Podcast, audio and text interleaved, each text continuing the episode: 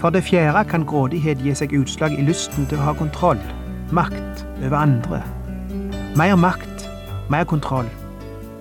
Alltid være involvert, alltid ha trådene i sine hender. Alltid sigge med kontrollen. Alltid bli spurt til råds. Alltid være kongen.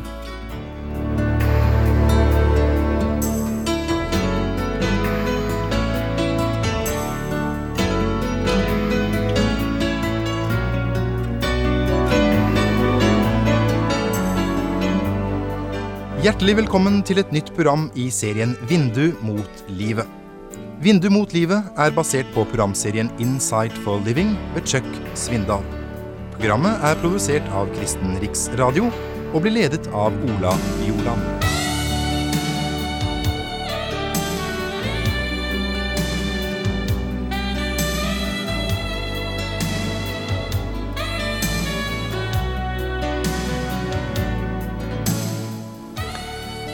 I vår tid skal alt skje så fort, og vi skal helst se raske resultat uten altfor mye venting eller altfor mye jobbing. Vi har jo dette såkalte fast food og ferdigprodukt av alle mulige slag. Mange er altfor utålmodige til å vente på noe, og forlater til å arbeide hardt for å oppnå ting. Vi vil ha det vi vil ha, og jo snarere jo bedre, og tyr til slankepulver og mirakelkurer av både det ene og det andre slag. Jeg minner meg om en historie som jeg nylig kom over. En fyr var oppvokst langt ute i villmarken i en stat i Amerika, i West Virginia, langt borte ifra folk og sivilisasjon. Han hadde for eksempel aldri i sitt liv sett en stor by, for ikke å snakke om moderne oppfinnelser og teknikker. Han gifta seg med ei jente som var akkurat lik han sjøl, og de levde alle sine dager i den enorme amerikanske villmarka. De fikk en sønn som de kalte Junior. På den tida Junior fylte 16 år, begynte det å gå opp for faren at sønnen holdt på å bli en mann, og ville snart komme til å forlate de og starte på egen hånd. Det plagte han litt at gutten kanskje kunne komme til å forlate villmarka og flytte inn til byen for å få jobb, og at han kanskje ikke var forberedt til å møte den moderne verden. Han følte ansvar for sønnen sin og bestemte seg for å gjøre noe med det. Han og kona begynte å spare penger til ei reis som de planla til byen. Etter ca. tre års sparing kom den store dagen. De pakka tingene sine i den, i den gamle pickupen og begynte på den lange og svingete veien gjennom villmarka mot byen. Planen var å tilbringe flere dager på et utsøkt hotell og virkelig ta imot alle inntrykk de kunne absorbere av storbyen. Idet de kom til utkanten av byen, og etter hvert som de kom nærmere sentrum, begynte faren å verte mer og mer nervøs og oppstemt. Og han sa, når vi kjører fram for hotellet, så verte du mutter'n her i bilen og passe på mens jeg og junior ser oss litt omkring inne i hotellet og finner ut hvor vi skal bo. Vi kommer tilbake og henter deg så snart alt er ok. Jau, alt vart nøye planlagt for det første møtet med den store verden. Blinkende neonlamper og uniformerte dørvakter helste de idet de kjørte fram foran inngangen til det fasjonable hotellet. Mora satt igjen i pickupen mens faren og junior spaserte med vidåpne øyne mot resepsjonen. Ingen av de kunne tru sine egne øyne. Når de tråkka på ei matte foran døra, åpna dørene seg av seg sjøl.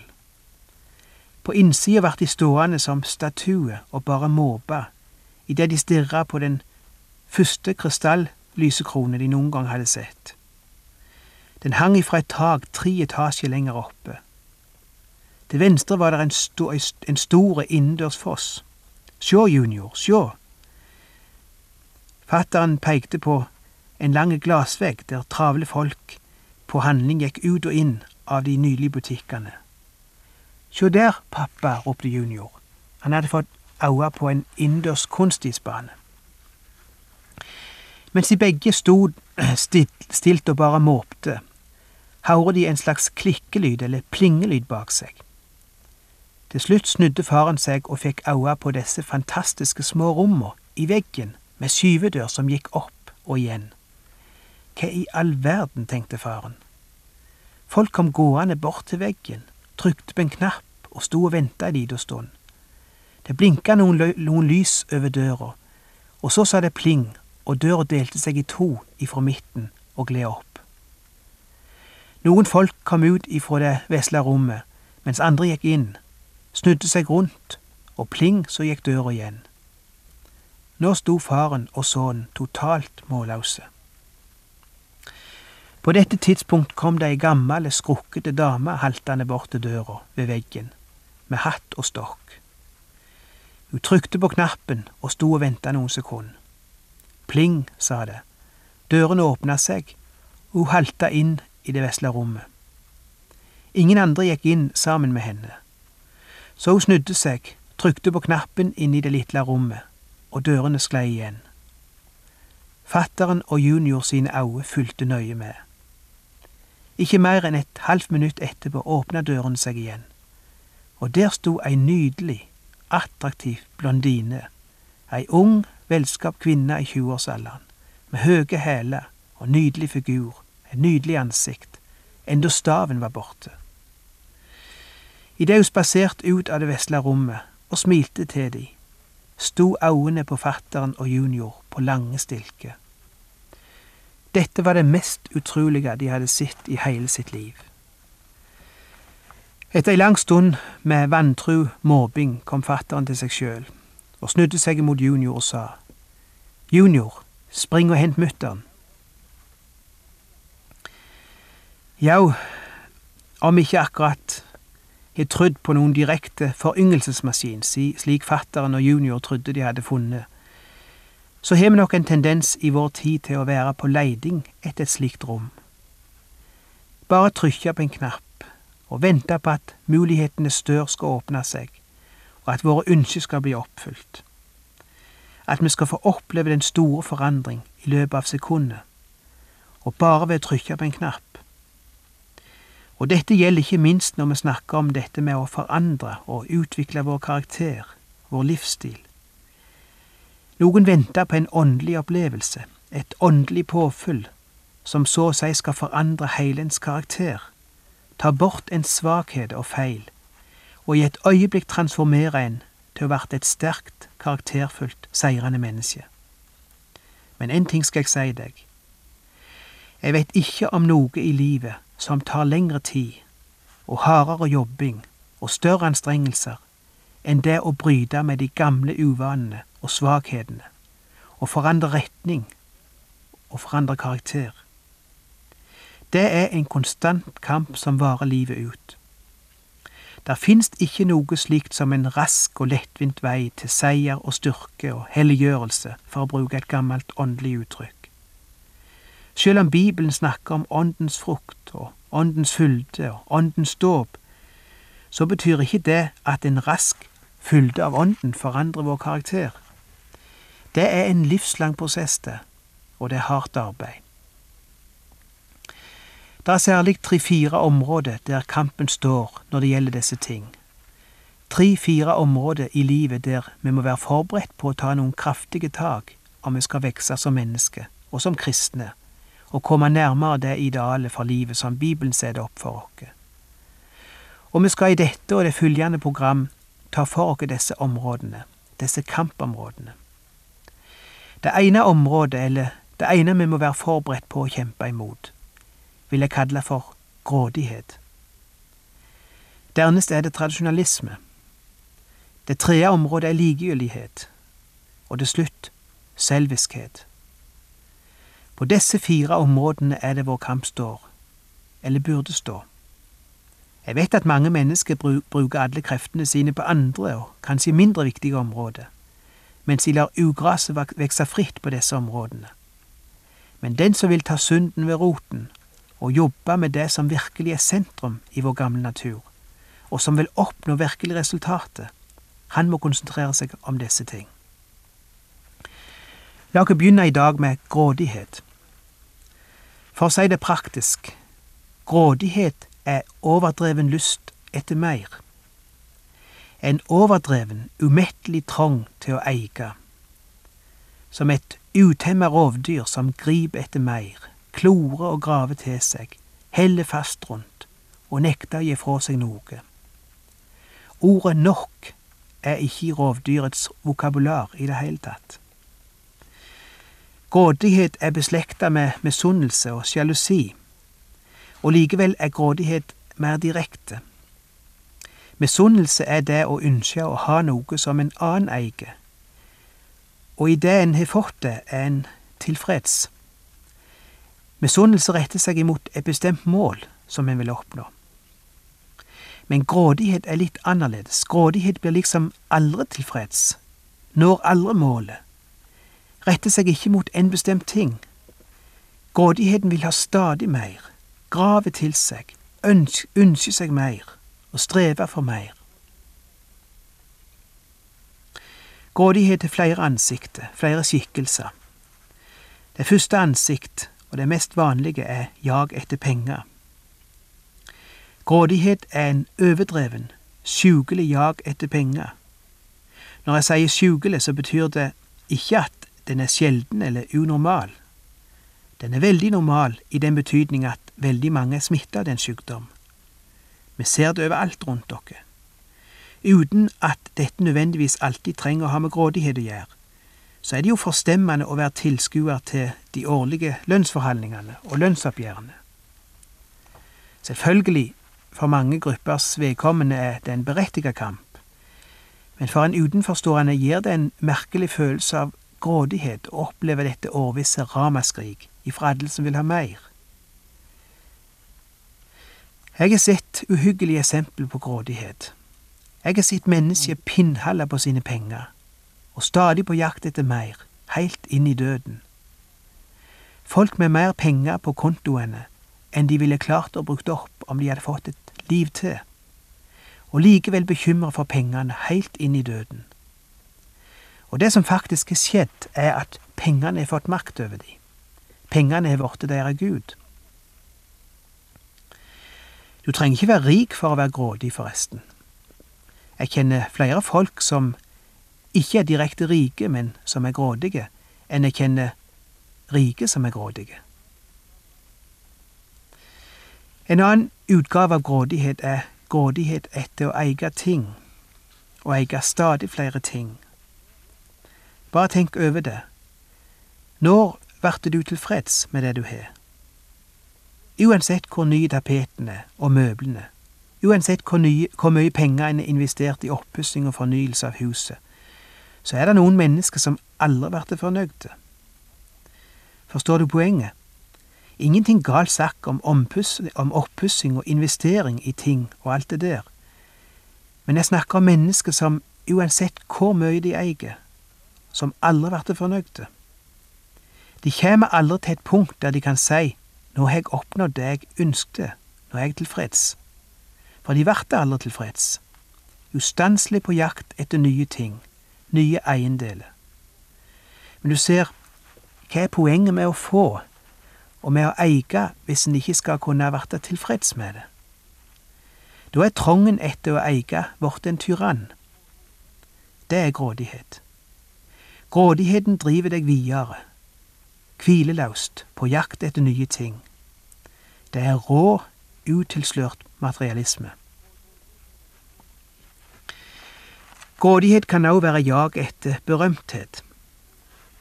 En overdreven lyst etter å verte mer berømt og gjøre sitt navn kjent.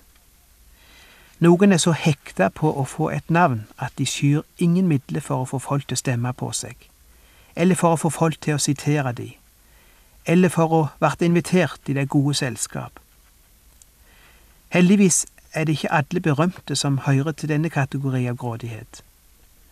Det er som med penger, det er ikke så sjelden at grådighet kan finnes hos de som ikke har så mye.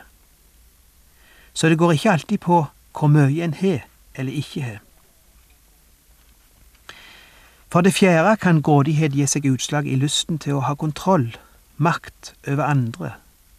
Mer makt, mer kontroll. Alltid være involvert, alltid ha trådene i sine hender. Alltid sigge med kontrollen. Alltid bli spurt til råds. Alltid være kongen.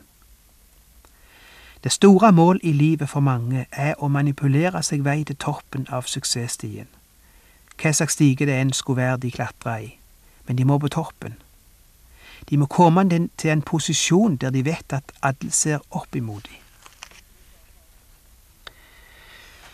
Med en viss fare for å verte beskyldt for å forenkle hele problematikken, vil jeg likevel si at grådighet kan ledes tilbake til våre forfedre, heilt til de første menneskene på denne jord, Adam og Eva, og deres fall i Edens hage. I det øyeblikk de snudde seg bort ifra Gud og til sjølopptatthet, kom grådighet inn og forgifta blodsystemet i mennesket. Og siden den gangen har det forurensa den menneskelige natur. For dette er din kamp, og dette er min kamp og det er en ubarmhjertig kamp. Jesus visste hvor stor makt materielle ting kunne ha over menneskeheten. Ikke mindre enn 17 av 37 lignelser tar han opp spørsmålet om å eie og om å ha et rett forhold til ting. Vi skal se litt på en av disse fortellingene. Den vi finner i Lukas 12, vers 13 34 er en av de klareste og mest direkte avhandlinger om grådighet du vil finne noen plass i hele litteraturhistorien. Den er ikke vanskelig å forstå, men jeg advarer deg, den vil ta deg resten av livet og lære å leve etter det. Vers 13 til 14 En i mengden sa til ham, Mester, si til min bror at han skal dele arven med meg. Jesus svarte, Venn, hvem har satt meg til å dømme eller skifte mellom dere? Ut av mengden kommer det en mann som frimodig forteller Jesus hva han skal gjøre. Han spør ikke, han kommer ikke med en forsiktig forespørsel. Han instruerer Jesus hva han skal gjøre og si. Men Jesus, som vet hvor komplisert slike familiefeider kan være, avstår ifra å ta parti. Jesus lot seg aldri involvere i ting som ikke hadde direkte relasjon til hans hovedoppgave her på jord. Det er noe jeg ofte har beundra Jesus for. Vi kunne nok lære litt av han her, for å gjøre en liten parentes. Av og til kan det være klokt å ikke velge side i en familiefeide, og ikke alltid la seg involvere, sjøl om en kan være utsatt for et stort press. Det kan være klokt av og til å si det der har jeg dessverre ikke forutsetning for å ta stilling til. Eller, jeg kjenner ikke alle sidene her og kan dessverre ikke ta standpunkt til det. Jesus prøvde ikke å imøtekomme hvert eneste menneskes behov, eller bli innblanda i hvert menneskes affære. Han var selektiv. Men han må åpenbart ha forstått ut ifra sjølve tonefallet og holdningen sjå denne mannen, og ut ifra at det var et spørsmål om familiearv, at dette var det rette øyeblikk til å ta opp temaet om grådighet. Det var tross alt grådighet som lå til grunn for hele denne feiden, tydeligvis, når mannen ber Jesus om å ta parti for han. I plassen for å gjøre det tar Jesus opp den prinsipielle sida ved saken, for å uttrykke seg som politikerne pleier å formulere seg. Vers 15 Så sa han til dem alle, pass dere for pengekjærhet. For det er ikke det en eier som gir livet, selv om en har overflod. Legg merke til at nå snakker han ikke bare til denne mannen. Han har han svart i vers 14. Nå henvender han seg til folket generelt på bakgrunn av denne episoden, det vil si til deg og meg, og han sier, pass dere, vær på vakt. På vakt imot hva? Vær på vakt imot grådighet. Egentlig står det på grunnteksten Vær på vakt imot enhver form for grådighet. Grekerne hadde et interessant ord de brukte når de refererte til grådighet, som også er brukt her i vers 15. Det betyr egentlig en tørst etter å ha mer. Kanskje et litt banalt eksempel, men siden ordet tørst er inne i bildet, så fører det mine tanker imot en som driver omkring i en båt på havet og ikke har mer ferskvann om bord. Snart blir tørsten så stor at han begynner å drikke av havet. Men du vet, Desto mer han drikker av det vannet, som er salt, desto tørstere blir han. Hans tørst får han til å drikke mer, som i neste omgang igjen gjør han enda tørstere, og som enda med at han ble veldig sjuk. Det illustrerer ganske godt hva som ligger i det greske ordet for grådighet, og altså det ordet Jesus bruker her, og som han advarer oss imot. Det er det som er poenget med grådighet. Du vil ha mer og mer av noe som i virkeligheten ikke er godt for deg. Og når du får mer, vil du ha enda mer. Og konsekvensene blir katastrofale. Derfor er det at Jesus sier, vær på vakt, pass deg. Dette virker nesten som en kreft, en ustoppelig pest som vil sue livet ut av deg. Nok blir det aldri nok, og det er grunnen til at Jesus legger til, for det er ikke det en eier som gir livet, selv om en har overflod. Nå er vi inne på noe veldig, veldig alvorlig. Og vi skal ikke være så snare til å tenke på onkel Skrue eller ei eller annen gammel tante som vi kjenner, og som vi vet dette ordet rammer. For dette ordet rammer meg, og dette rommet, og ordet rammer antagelig også deg. Det er ikke for ingenting at dette er et av de temaer Jesus oftest tok opp i sin forkynnelse, undervisning, og som han brukte de sterkeste ord om. Jeg vet at dette er et ord som også du skal lytte til, og jeg vet at det er et ord til meg og det er et område der jeg antagelig må være på vakt og kjempe livet ut. Og jeg skulle ønske at du ville ta opp denne kampen òg. For nå er vi inne på noe av det aller innerste og fundamentale i din natur og karakter. Og først når du er villig til å ta opp kampen på dette området, kan du regne med et liv i samsvar med den plan Gud hadde med ditt liv. Du ser, det vi snakker om nå, er helliggjørelse. Helliggjørelse er ikke å få tanken påfylt av ånd og kraft i et øyeblikk. Helliggjørelse er en daglig kamp imot din gamle natur, og den kampen er veldig praktisk.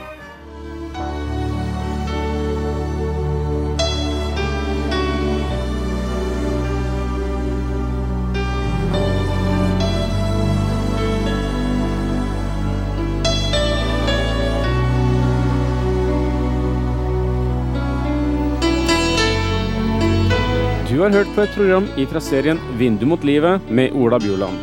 Dette programmet kan du også høre på våre nettsider p7.no. Har du spørsmål eller kommentarer til det du nå har hørt, kan du ta kontakt med oss. Vårt telefonnummer er 56 32 1701. Om du heller ønsker å sende oss en e-post, kan du bruke adressen post krøllalfa p7.no. Takk for i dag, og på gjenhør.